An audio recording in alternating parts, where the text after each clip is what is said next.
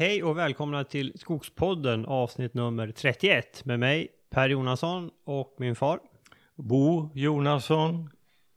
Jaha, vi befinner oss mitt i förberedelserna inför vinterns eh, gallringar och eh, slutavverkning. Men nu har vi tagit en paus för att spela in avsnitt 31. Och vad ska vi prata om idag, Bosse? Eh, Det blir mest dokumentation. Do Doku- dokumentation av vårt skogsbruk. Precis. Vi, har, vi fick in en, en lyssnarfråga eh, där vi fick tipp på ett ämne just på hur, hur dokumenterar du Bosse och hur följer du upp, alltså vilken, ja, hur dokumenterar du de olika sakerna som, som, som vi gör i skogen och på vilken, vilken detaljnivå. Ja, men det, du har ju ett omfattande bibliotek av material, så det här blir intressant att lyssna på. Men innan vi hoppar in på det så ska vi tacka vår eh, sponsor Husqvarna. Husqvarna är den ledande tillverkaren av utomhusprodukter för skogen. Och Husqvarna satsar mycket på utveckling och innovation. Och det ser man ju tydligt på deras batteriserie. Vi är ju flitiga användare av den. Vi använder oss ja, motorsågen, röjsågen, häcksax och eh, den batteridrivna trimmern också. Speciellt röjsågen går ju varm nu. Vi har faktiskt skaffat eh, en till så vi har varsin nu när vi röjer i skogen. Och eh, det här med att de utvecklar nya produkter hela tiden. De har kommit med ett, ett, eh, nytt batteri. Vi har ju oftast kört med det här ryggbatteriet eh, som heter 940X på 26 ampere-timmar. Men eh, nu finns det ett lite mindre som du inte har på ryggen utan monterar i maskinen som heter eh, BLI 300. Och det är alltså på 9,4 ampere-timmar. Och då eh, det börjar bli ganska bra. Du använde ju det igår. Ja, Hur, hur länge körde du med det? Ja, nu igår körde jag på, det finns ju ett energisparläge som man trycker in som gör att kedjan går lite långsammare och då räcker det ännu längre. Jag körde på det igår och eh, alltså det är ju alltid svårt att uppskatta hur länge man kör men det är en och en halv, två timmar gissar jag. Och det var ganska intensiv underröjning. Ja, det är en hel del eh, lite grövre man tar ner där också. Ja. Så nej men det är ju, alltså har man med sig eh, två sådana här BLI 300 och eh, ja kanske något eh, batteri till. Mm. Ja, det, det räcker rätt länge. Ja. Och eh, lite speciellt nu på vintern också när det är snö så kan det ju vara skönt att inte ha ryggbatteriet. Alltså okej, okej, det väger 7 kilo så det är inte så farligt. Men just när man inte ser marken riktigt. Eh, ja, det, jag tyckte det är jättesmidigt med det här BLI 300. Du, det här väger ju lite mer än de andra små batterierna, vilket gör att man kan flytta infästningen för selen också på, so- på röjsågen. Man kan flytta tillbaka den lite grann. Du har fortfarande bra balans på röjsågen. Och du, fördelen då är att du får lite längre räckvidd. Mm. Ja, just det. Mm. Ja, så det här tycker jag, om ni inte har eh, testat eh, det här nya batteriet eh, BLI 300 så gör det. Uppsök en eh, Husqvarna återförsäljare och eh, kika på det här. Eh, det här passar oss eh, väldigt bra. Mm. Bra Bosse, då tycker jag vi kastar oss in i avsnitt eh, 31 och dokumentationen. Hur länge har du hållit på med den här dokumentationen Bosse? Mm. Eh, jag har ju varit eh, i hög grad aktiv när det gäller att sköta skogen på Gusselborg. Och, det började 1958. Men det här med systematiskt dokumentera, eh, det är yngre.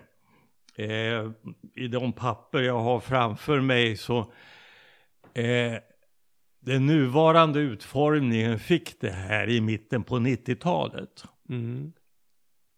Men även det börjar bli ganska många år. Eh, så att eh, vi har en, en eh, noggrann dokumentation ifrån 1995 och framöver. Mm.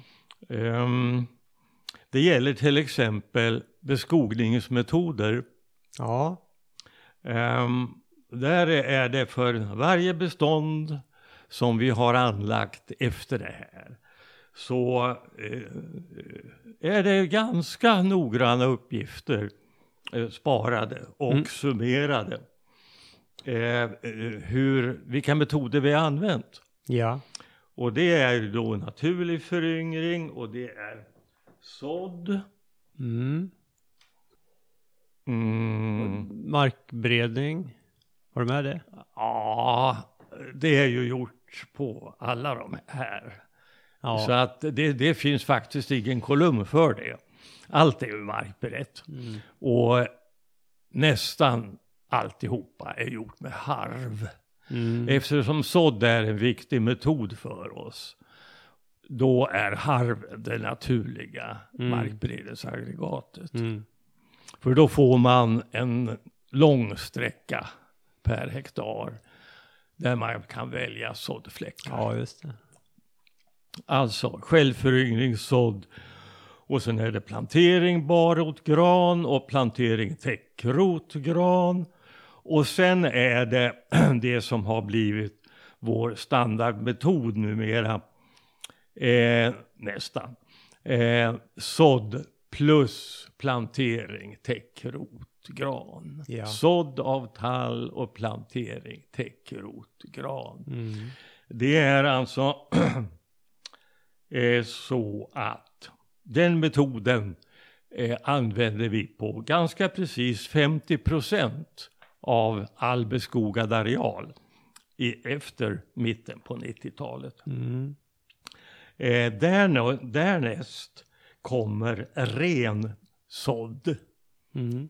Eh, ren tallsådd kan vi väl säga. Eh, det är 30 procent. Ja. Och sen är det totalt självföryngring är eh, 13-14 procent. Mm. Och sen är det några små fläckar där vi har planterat ren gran av någon orsak. Varför vi gjorde det har jag glömt. För att vi undviker i det längsta att plantera ren gran. Ja. Men det var inte så många procent kvar där. Nej. Nej, det är lite, lite grann. Ja, just det. Mm. Och det här i den här äh, dokumentationen då, jag menar det här är ett eh, A4-papper med, med, som du har liksom förberett med olika kolumner med det här som du pratade om. Har du även angett då till exempel eh, antal, i de fall vi har planterat och sått, hur många planter per hektar, alltså avstånd mellan plantorna? Nej, eh, det har inte gjort det här. Eh, och, och det beror på att fram till nu så har vi satt ett ganska stort antal granplantor. Jag skulle säga att vi har hållit oss med eh, över 2000 hela Mm, tiden. Mm. Eh, kanske eh, Eh, i värsta fall ända uppemot 2500. Men eh, från och med eh, 2016 så har vi börjat dra ner på det här. Så när vi nu eh, kommer att beskoga 2018 på sån här mellanbonitet så kommer vi att sätta ungefär 1300 granplantor per hektar. Mm. Och däremellan sår vi tall. Så, Ja. det, så kommer det troligtvis att bli framöver. Alltså erfarenheten är det att de här granplantorna de går till och växer och frodas i så pass stor utsträckning så vi behöver inte de här stora antalen som jag hade lite svårt att gå ifrån faktiskt. Mm. De här stora antalen, därmed menar jag alltså 2000 per hektar plus. Ja. Just det. Nej, men det, det kanske är någonting eh, som du kommer att anteckna i fortsättningen. Ja, ja det, det får plats med en kolumn längst ut till höger. Ja. Så det kan vi ta och göra. Ja. Det, det, det tycker jag. Mm. Ja, Ja, okej. Ja, men det var föryngringar då. Ja. Mm. Vad dokumenterar du mer? Ja, jag är väldigt noga med provenienserna Ja. på, eh, på tallar och granar och plantor och frö. Ja, Så att det har vi ju. just det. Och- Ser du, ser du någon, eh, när du går tillbaka då och tittar, ser du, liksom, har du dragit några slutsatser och förändrat någonting längs vägen? Nej, det har jag inte. Alltså när det gäller granplantor, fram till eh, 1999 så använde vi, när det gäller alltså eh, granplantor, eh, ja när det gäller granplantor så använde vi då i viss utsträckning vitryska plantor. Mm. Och eh, jag kan lugnt säga att vi har uteslutande positiva erfarenheter av det. Ja. Eh, kan berätta det lite i marginalen här att vi har en granhäck som skyddar skogen mot nordvindar. Gården mot nordvindar. Mm. Och där har vi satt en sträcka med vitrysk gran och en, eh, en annan sträcka med svenska granar. Eh, och det är en väldigt stor skillnad på våren, Mm. på utseendet på de här delarna. Mm. Eh, de vitryska granarna skjuter betydligt senare. Mm. Och eh, eh, de blir ljusgröna någon gång framåt midsommar. Och då har de svenska granarna redan börjat bli mörkgröna på skotten. Det ser ganska roligt ut faktiskt. Ja, mm, mm. Ja. men i alla fall så vi har ju dokumenterat det här med, Mm. både med frö och, och med plantor. Och när det gäller tallfrö så eh, eh, har vi strävat efter en sydförflyttning med en breddgrad, det vill säga cirka 11 mil.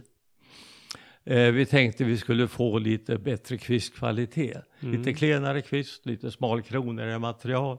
Och kanske har vi det också. Eh, den den, eh, eh, den eh, eh, plantage som vi använde fram till 2005, den slutade skördas då. Så då är det andra eh, plantager som har gått in istället. Men vi- håller kvar den här principen med en viss sydförflyttning. Mm. Gäller det i Småland också? Nej, Nej. nej. I Småland har vi bara använt lokalt frö. Ja. Eh, Det heter eh, rumskulla. Mm. Och vi går inte ifrån Vimmerbytallen alltså. Nej, nej det går ju inte. Det är ju tjänstefel. ja, Ja. Så, så det här var Bergslagen med en sydförflyttning på en breddgrad. helt klart. Ja. Det gäller bara Bergslagen. Mm. Mm, mm, mm. Mm.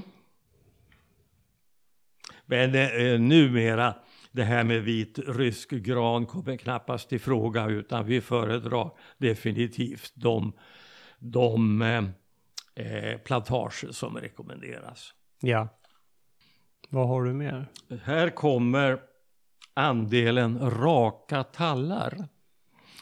Alltså vi har eh, förhållandevis många bestånd som är eh, intensivskötta i, i, så, i den, på det sättet att vi har, vi har stamkvistat dem bland annat. Ja. Och stamkvistningen eh, den är betydelsefull ur skötselsynpunkt. Eh, för där markerar man på ett tidigt stadium de bästa tallarna i beståndet. Mm. Och det blir de som självklart ska stå kvar efter röjningar och gallringar. Så att man har en viss hjälp i den framtida skötseln att göra ett bra stamval. Mm.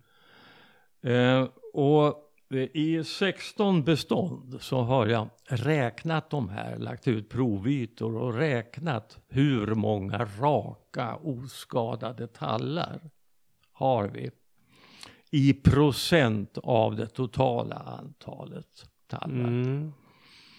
Och det är så här att på sista raden står det medeltalet 80 procent här. Och då är det här är gjort då efter i princip andra gallringen i 50-årsåldern. Ja.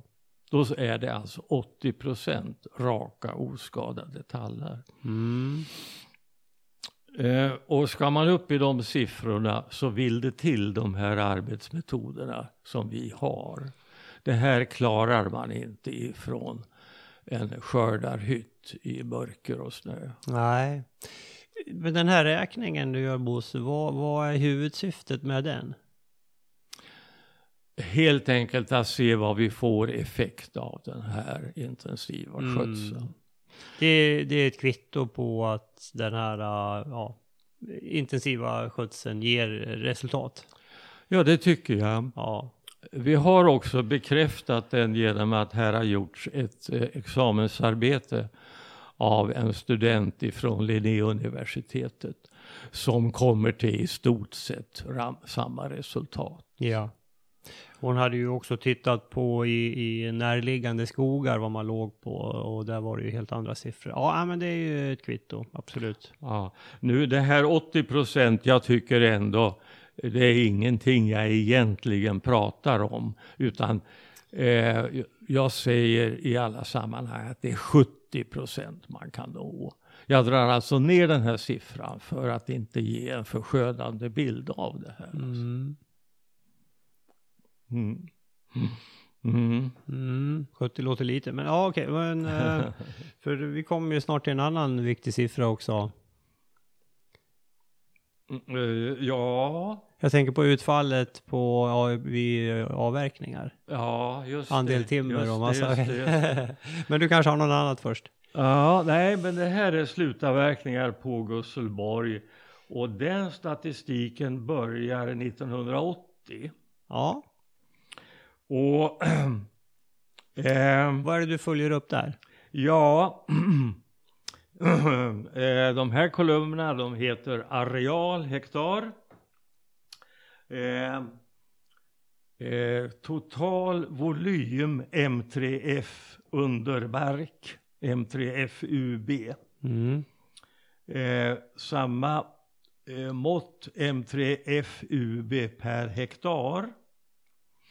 Eh, det netto per M3FUB som avverkningen har gett. Mm. Och sen volym rödskadad gran. Mätt som andelen bränsleved av den totala, eh, totala volymen gran. Ja. Nu ligger det en del rötskadad också i barrmassaveden. Men det bortser jag ifrån här. Jag tycker att det här med eh, den eh, bräns, andelen bränsleved av gran, att det är ett tillräckligt mått för våra ändamål. Ja. Ehm, och det här varierar eh, eh, avverkningen, vår senaste slutavverkning, ganska stor sådan för våra förhållanden. Det var 2700 M3 FUB. Den innehöll 1% bränsle. Det är inte mycket. Det var nära nog rötfritt. Mm. Fantastiskt. Och ändå var det så, så det var ju gammalt. Det var riktigt gammalt. Mm. 130-årsåldern. Ja. Ja. Nej, det var ju en del träd som började dö. Ja. ja. Så det är mycket dödved kvar på det hygget. Ja, verkligen. Eh, Det här rötskadade granarna stod i viss utsträckning vid en gammal körväg. Ja, ja. Och fått någon skada vid någon, vid någon uh, körning där då. Ja. Eh, Men vi har också eh, vi har faktiskt en bestånd där det var 19 procent röta. Oj. Mm. Ja, det är mycket. Det skiljer sig markant ifrån återstoden men eh, alltså medeltalet ligger ändå kanske ja, 5, 6, 7 procent Ja. någonting. I den här rötboken Bosse, pratar man inte om, inte 15 procent av alla granar som kommer att avverkas? Ja, just det, den siffran finns ju. Att 15 procent av alla granar i Sverige är rötskadade. Ja. Det vill säga inte hela trädet, Nej. men i roten. Ja. Just det. Men sen hade du andelen eh, timmer respektive massaved Ja, eh, ja också va? utbyten. Ja. Vi kommer, vi kommer dit. Ja. Mm, mm, mm. Mm. Eh, en, en liten siffra som faktiskt har ett visst intresse. Det är omräkningstalet mellan M3TO och M3FUB. Mm. Ett omräkningstal. Eh, och det, det ligger alltså nära 1,2. Det vill säga den verkliga volymen är 20 procent högre än vad eh, toppcylindern, den, den volym som toppcylindern gör. Mm. Eh, siffran är lite högre för gran än för tall. Mm. Eh, 1,22 för gran och 1,19 för tall. Eh, det är eh, mm, ja, det, det är ungefär 10 år, genomsnitt av 10 år ungefär. Mm. Jag vet inte om jag förstod det där riktigt, men eh, alltså, jo, jag vet ju att det finns en omräkning, men det är inte, det är inte den konstant. Du slår upp det i en tabell. Men det här är faktiska värden, eller? Det här är faktiska värden som det redovisas på, på våra mätbesked. Ja, okej. Båda siffrorna finns Ja. Och, jo. och jag har ställt samman dem. Och det finns ju lat, en lathund för att... Jajamän, alltså eh, VMF eh, Cubera har ju en, har ju en matris Ja. för det här. Ja, just det. Eh, där eh, toppformtalet, som är det korrekta Mm. ordet, eh, det varierar med eh, eh, timmerlängd och diameter. Ja, just det. Just det. Mm. Så att det här är ingenting annat än deras matris eh, eh, omräknat eller omvandlat till genomsnittet för en genomsnittlig skog i Bergslagen. Mm. Mm. Ja, just det. Eh, sen kommer vi till det här med sortimentsfördelningen. Mm. Och då håller vi oss bara till slutavverkningar. Ja.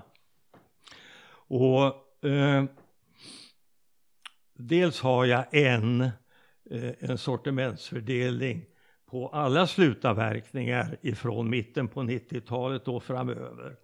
Dels har jag en, ett urval av de här. Eh, ett urval som jag har gjort för att få stöd för framtida beräkningar. Mm. Eh, I den här fullständiga listan med alla slutavverkningar så eh, är det mycket gammal dålig skog med. Det har varit luckig granskog eh, och det, det ska inte ligga till grund för våra framtida kalkyler. Nej. Utan då har jag valt ut de bestånden som mera representerar den skog som nu står där och väntar Ja, ja, på ja. avverkning. Just det. Och den, den viktiga siffran här, det är alltså hur mycket massaved och bränsleved blir det? Ja. Och det blir någonstans mellan, någonstans mellan 16 och 24 procent. Mm. Eh, 16 procent det är eh, typ fröträdsavverkningar. Ja. Där blir det inte mycket massaved. Men det blir ändå lite massaved där. Ja, blir lite grann upp i toppen. Men då är, det, det, då är det för att det faller på dimensionen, inte för kvaliteten. Jo, det kan, Eller? det kan också vara kvaliteten. De kan vara, de kan vara ganska så krokiga och, och grovkvistiga där uppe Ja, det kan de i och för sig. Ja. Ja, ja. Det är, eh, medeltalet här ligger nog på Mm. Ja, 21-22 procent. Ja, det stämmer väl ganska bra då med det här du pratar om 80 procent eh, raka oskadade ja, stammar. ja, jo då, då. Så vad, vad, alltså, vad sa du, drygt 20 procent massaved? Ja. Det här, det här är en viktig siffra, för det är ju här den privata skogsägaren, det är på timret vi tjänar pengar. ja, men visst. Visst alltså. Mm. Det här är säkert ganska höga siffror eh, om man jämför med eh, en, en genomsnittlig fångst. För att det här är alltså bra timmerbestånd. Mm. Det här urvalet som vi hade gjort. Ja. Alltså. Det är ju intressant det du säger att den, den skogen som vi tidigare har skördat och den har, den har liksom hållit en lägre kvalitet. Men du ser att de skogar som börjar komma fram nu på senare år, de är betydligt bättre. Jag menar, vi, vi strävar efter att alltid anlägga en bättre skog än vad vi tog ner. Ja, det är ju en grundläggande målsättning. Ja, Den ska vara minst lika bra som den skog vi högg ner. ja. Och jag menar i många fall eh, blir det betydligt bättre då. Jag menar, du har ju beskrivit lite grann eh, vissa delar hur skogen såg ut när ni köpte det här 1958. Att det var lite ljung, ljunghedar och rest och trasskogar och sånt. Ja, nej det är en jättestor skillnad. Alltså. Ja. Mm. Ja, men det är ju kul, för det är ju, ja, vi har ju, ibland får vi ju frågan det här med eh, när man stamkvistar och, och den här intensiva röjningen, går, går det att räkna hem? Och det är naturligtvis, det är väldigt svårt när man börjar sätta kronor och ören och diskontera det i framtiden, men ändå så ser man att ja, men det, det, det blir bra kvalitet av arbetet man gör. Ja, allt, allt kan man inte sätta siffror på direkt man gör det. Det är ju som du brukar säga, då hade man inte, då hade de här bönderna i Småland, de hade inte byggt alla de här stengärdsgårdarna. nej, och de hade börjat räkna ränta på ränta på en delad kostnad. Alltså sitt eget arbete. Ja. Då hade det aldrig blivit några stenmurar. Nej, ja, men jag tycker det är ganska bra synsätt. Och det finns många, väldigt många uppfinningar och utveckling som inte hade blivit av heller om man bara hade räknat på allting. Man måste, man måste göra det som känns rätt också kvalitetsmässigt. Och det man tror på. Mm. Mm. Ja, det var en avvikelse. Ja. Eh, mera Ja. dokumentation. Dokumentation är viktig. Eh, Har du mera, eller ska vi... Ja, nej då. Avrunda vi kan, den. Vi kan, eh, vi kan ta det här. Det här. Vi, vi har eh, faktiskt eh, kollat det här med skannad volym jämfört med uppmätt volym. Mm. Och så här långt så stämmer det här nästan exakt. Mm. Det, eh, det blir väldigt, väldigt bra resultat när man, när man har det skannade materialet tillgänglig för sin volymuppskattning. Mm. Ehm, vi hade eh, ett eh, skifte med uteslutande eh, åkerplantering. Där stod 16 000 kubikmeter och det stämmer precis med den cirkelytetaxering vi gjorde. Mm. Alltså båda metoderna gav 16 000 kubikmeter. Mm. Sen var det fjolårets avverkning på 2700 kubikmeter. Där det skilde, det skilde fyra kubikmeter. alltså det blev exakt. Ja, ja. Nej, men, och det här är ju, om man går in på mina sidor på, via Skogsstyrelsen så har man ju tillgång till det här på sin, på sin egen skog och det är ju fantastiskt bra planeringsunderlag. Ja, det har underlättat det här med planering alldeles kolossalt. Mm. Alltså. Mm. Så det är ju någonting vi rekommenderar att kika på. Skogsbruksplanerna kan ju bli mycket bättre och mycket lättare att upprätta Ja, med den här metoden. Alltså. ja, absolut. ett ovärderligt hjälpmedel. Ja, det, det. Eh, och all den här dokumentationen Bosse, du har ju det här i permar då med, med, med flikar. Och sen när- en åtgärd, jag menar alla röjningar, de dokumenterar du också. Ja, jag har alltså en metod till att dokumentera det och det är åtgärder per kalenderår. Mm. Så att eh, i min perm med dokumentation där sitter ett särskilt register där jag gör anteckningar för varje år. Alla röjningar och beståndsanläggningar, Mm. avverkningar, gallringar, ja allting. Ja. Och det är en väldigt bra hjälp. Ja. Nu ska Men vi. Det här, det här är ju gjort med papper och penna alltihopa ja, alltså. ja. Så det är ju gamla metoder. Jo. Ja, jag tänkte säga det. Vi, vi har ju sedan något år tillbaka har vi ju en digital skogsbruksplan så, och där är ju, så fort vi har gjort en röjning till exempel så går jag in och uppdaterar det. Så då har vi ju det där också och, och så där har vi ju hela tiden ett aktuellt bestånd men, men eh, Mm. jag menar om man gör det här analogt eller digitalt eller hur man väljer att göra det, det, det, det kanske inte är det viktiga utan det viktiga är att, att man gör det och hittar en metod som man, som man tycker om. Mm. Mm. Mm. Mm. Vi ska ju också säga det att, att vi har ju lagt ner under lång tid ett stort arbete på stamkvistning. Ja. Och det är ju eh, dokumenterat så gott det någonsin går. Mm. Eh, där har vi antalet stamkvistade tallar per bestånd. Eh, och i mm, ja, flertalet fall i alla fall så har vi medeldiametern vid kvistningen. Mm. Eh, där finns ofta också någon kommentar till hur bra de här stammarna i själva verket är. Mm. Eh, men jag kan lugnt säga det att när det gäller all stamkvistning under de senaste 30 åren så har eh, vi varit väldigt noga med att bara kvista verkligt bra stammar. Alltså. Ja. Jag var väl lite för entusiastisk i början så det råkte väl med någon dålig tall också. Ja. Men eh, så är det inte nu. Nej. Nej. Och totalt på, på Gusselborg så, så är det stamkvistat.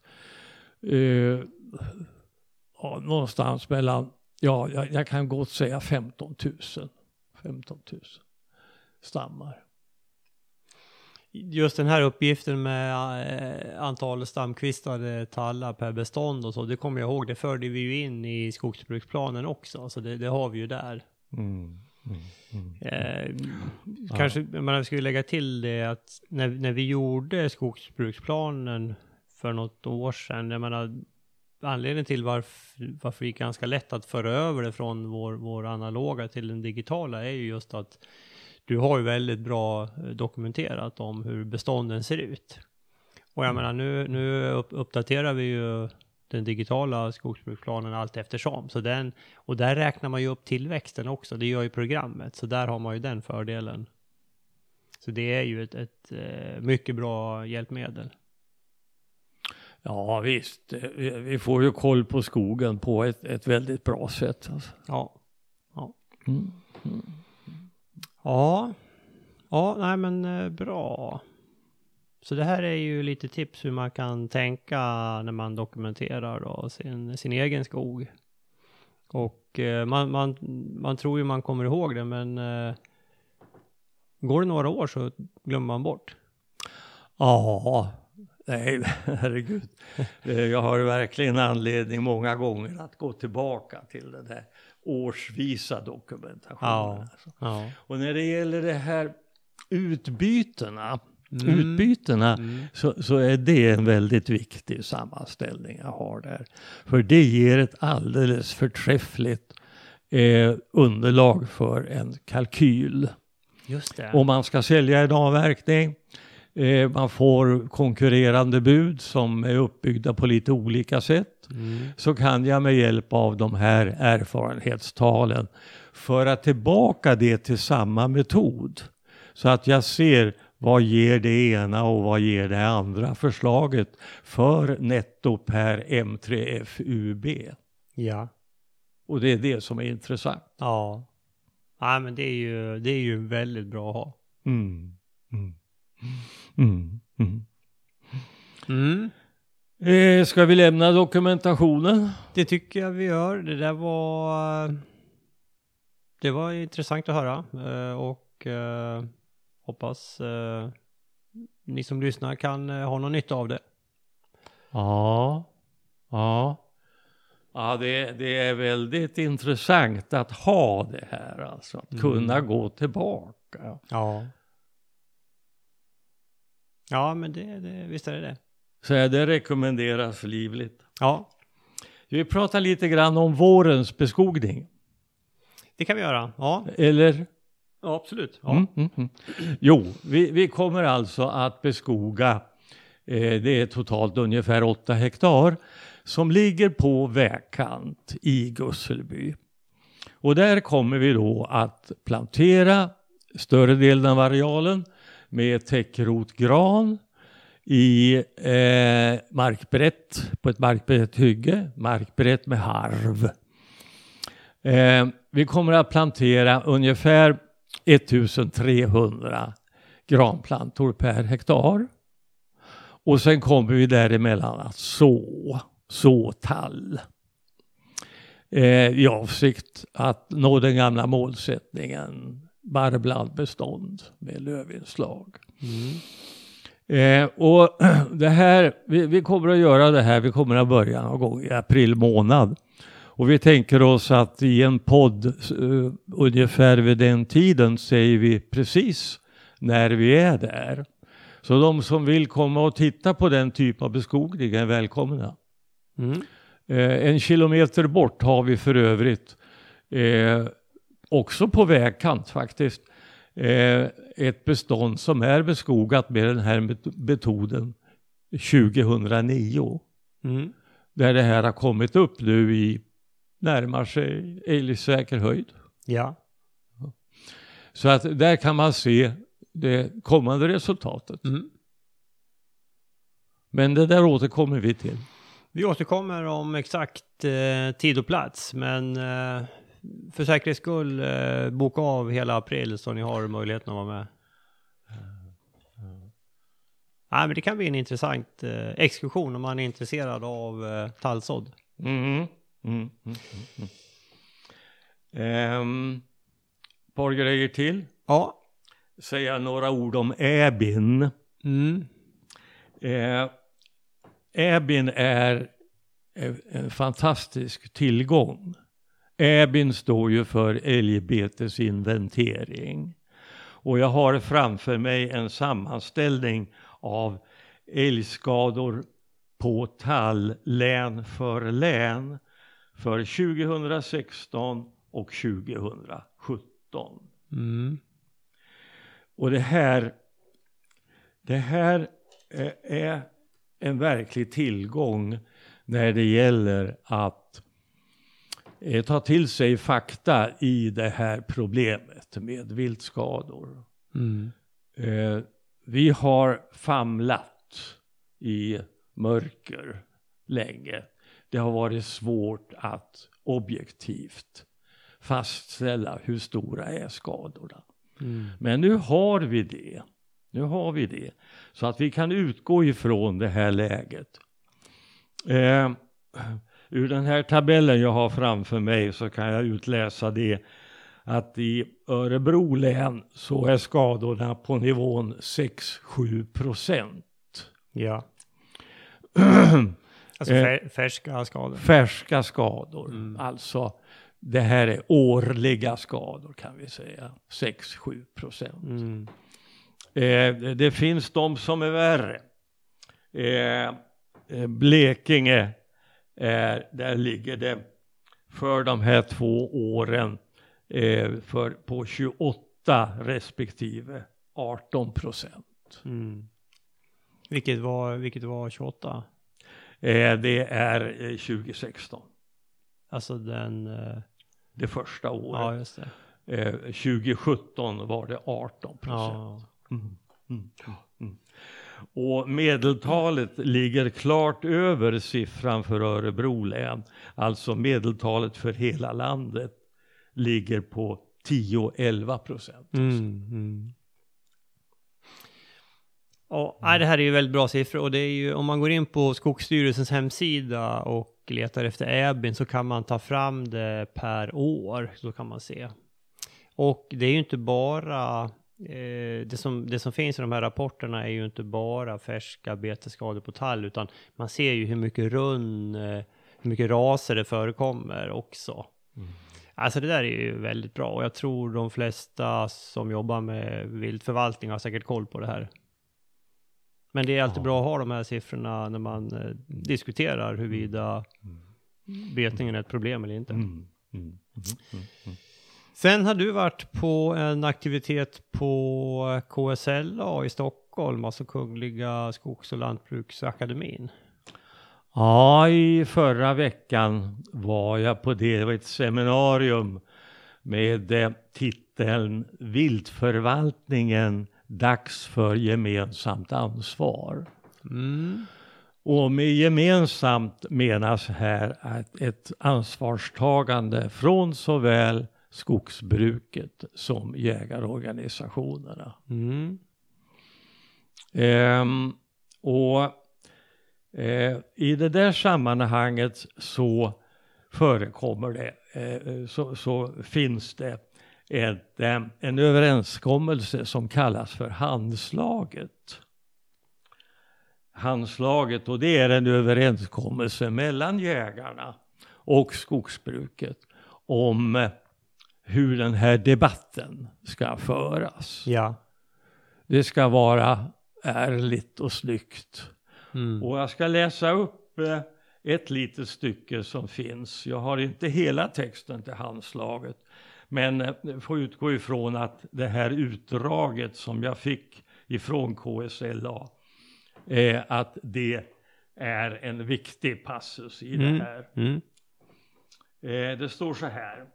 För att uppnå intentionerna i riksdagsbeslutet om att skapa en älgstam av hög kvalitet i balans med betesresurserna har ledningen för det samlade skogsbruket och Svenska Jägarförbundet enats kring ett grundläggande förhållningssätt och en gemensam inriktning i arbetet med landets klövviltförvaltning.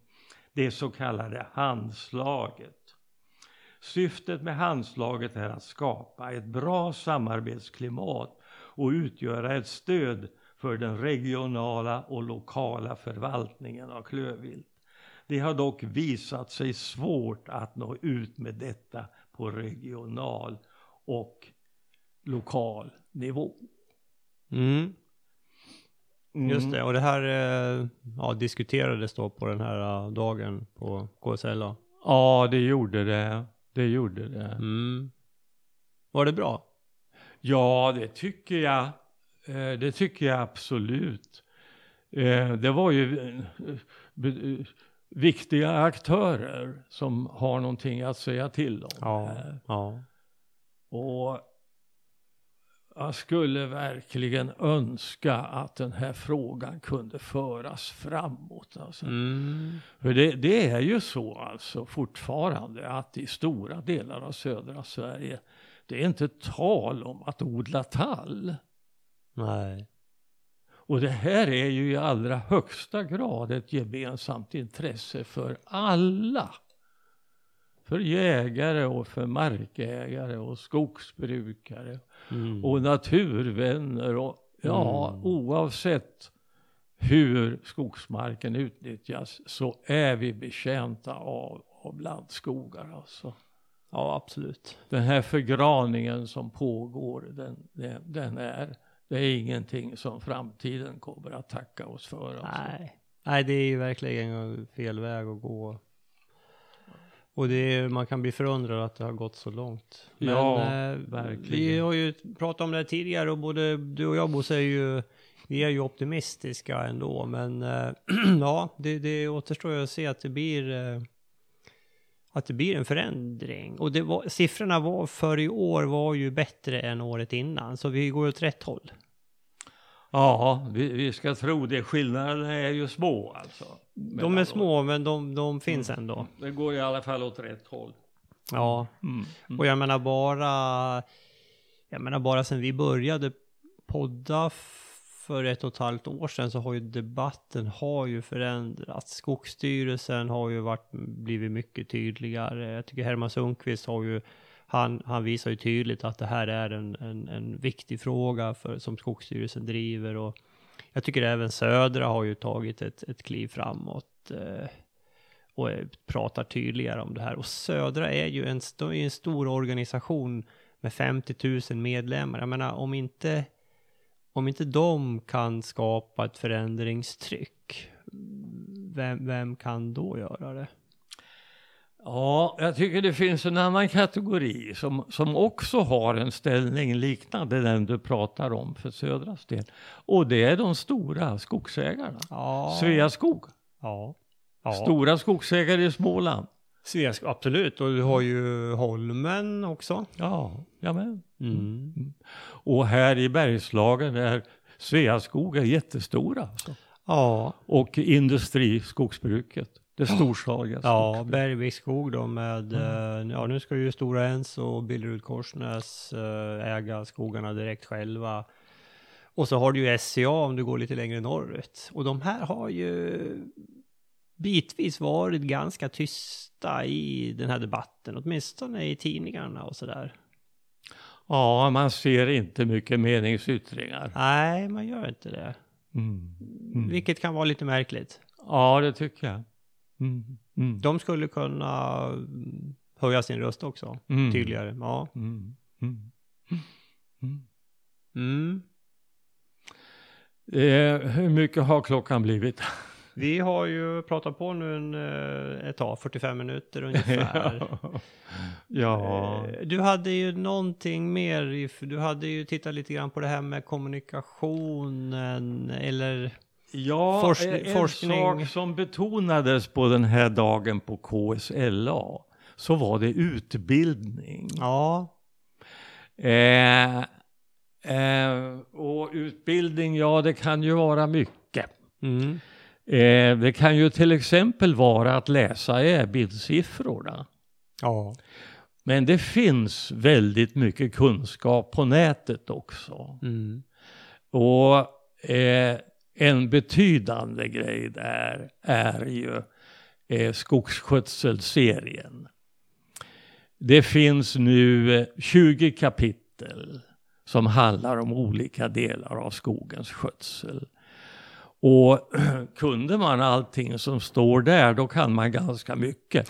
ja, Eh, Det är dessutom tre stycken kapitel på gång. Ja. Så att det kommer att vara 23 eh, inom en inte alltför avlägsen framtid. mm. Och eh, det är kanske möjligtvis lite jobbigt att ta till sig det här.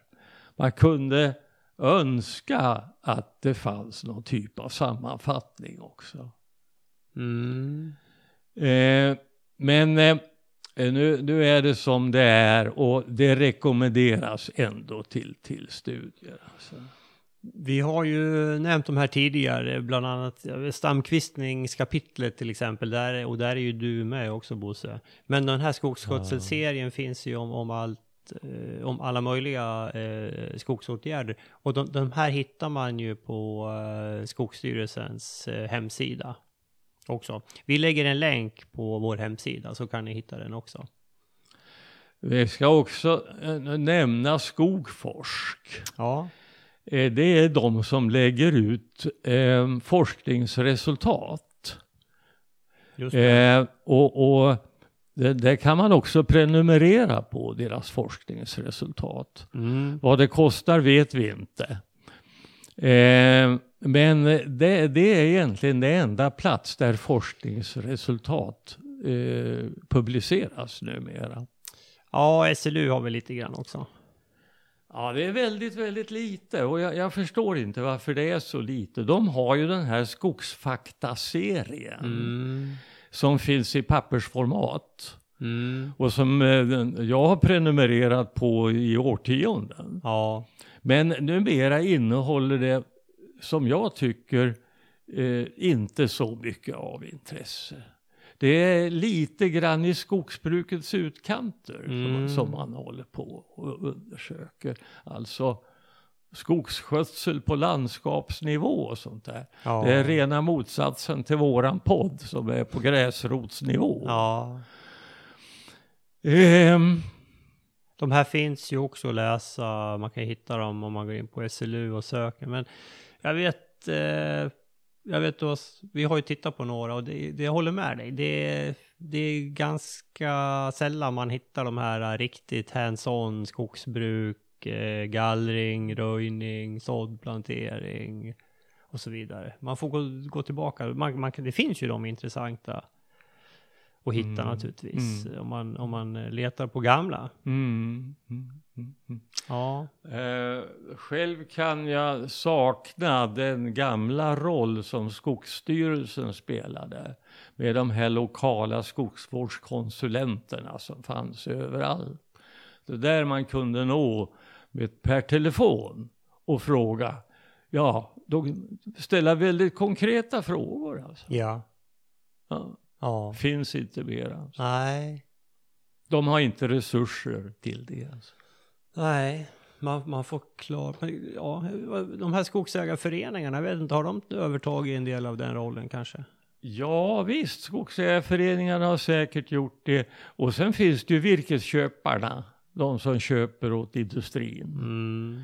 Men eh, mm, ja, man kan ju ha invändningar emot det också. De har ju en agenda naturligtvis, en egen agenda också. Mm. Ja.